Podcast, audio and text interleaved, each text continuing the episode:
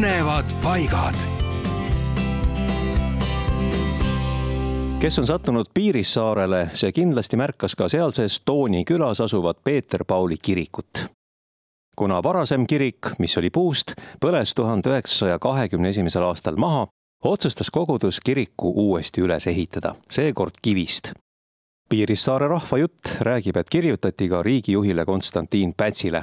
Teil on kirik, kus palvetada, aga meil pole, palun aidake. ja riigipea olevatki teinud annetuse igatahes tuhande üheksasaja kahekümne üheksanda aasta üheksandal juunil kell kuusteist kolmkümmend pandi Piirissaare apostliku õigeusu kirikule pidulikult nurgakivi ja kuna tuhande üheksasaja kahekümne esimese aasta tulekahjust saadik olid piirissaarlased olnud ilma kirikuta, kujunes sellest suurejooneline sündmus ja usuline pidustus.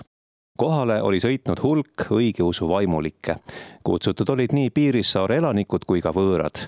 kõige, isegi soodsa laevaühenduse eest oli hoolitsetud.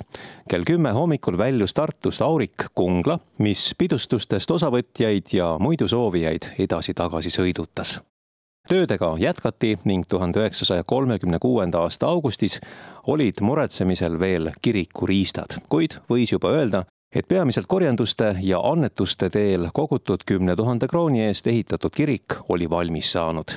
kirik sai õnnistuse järgmise tuhande üheksasaja kolmekümne seitsmenda aasta kahekümne kolmandal augustil tõsi, praegu seisab see hoone tühjana, sest juba alates tuhande üheksasaja kuuekümne neljandast aastast kirik seal enam ei tegutse aga müürid on püsti, katus on peal.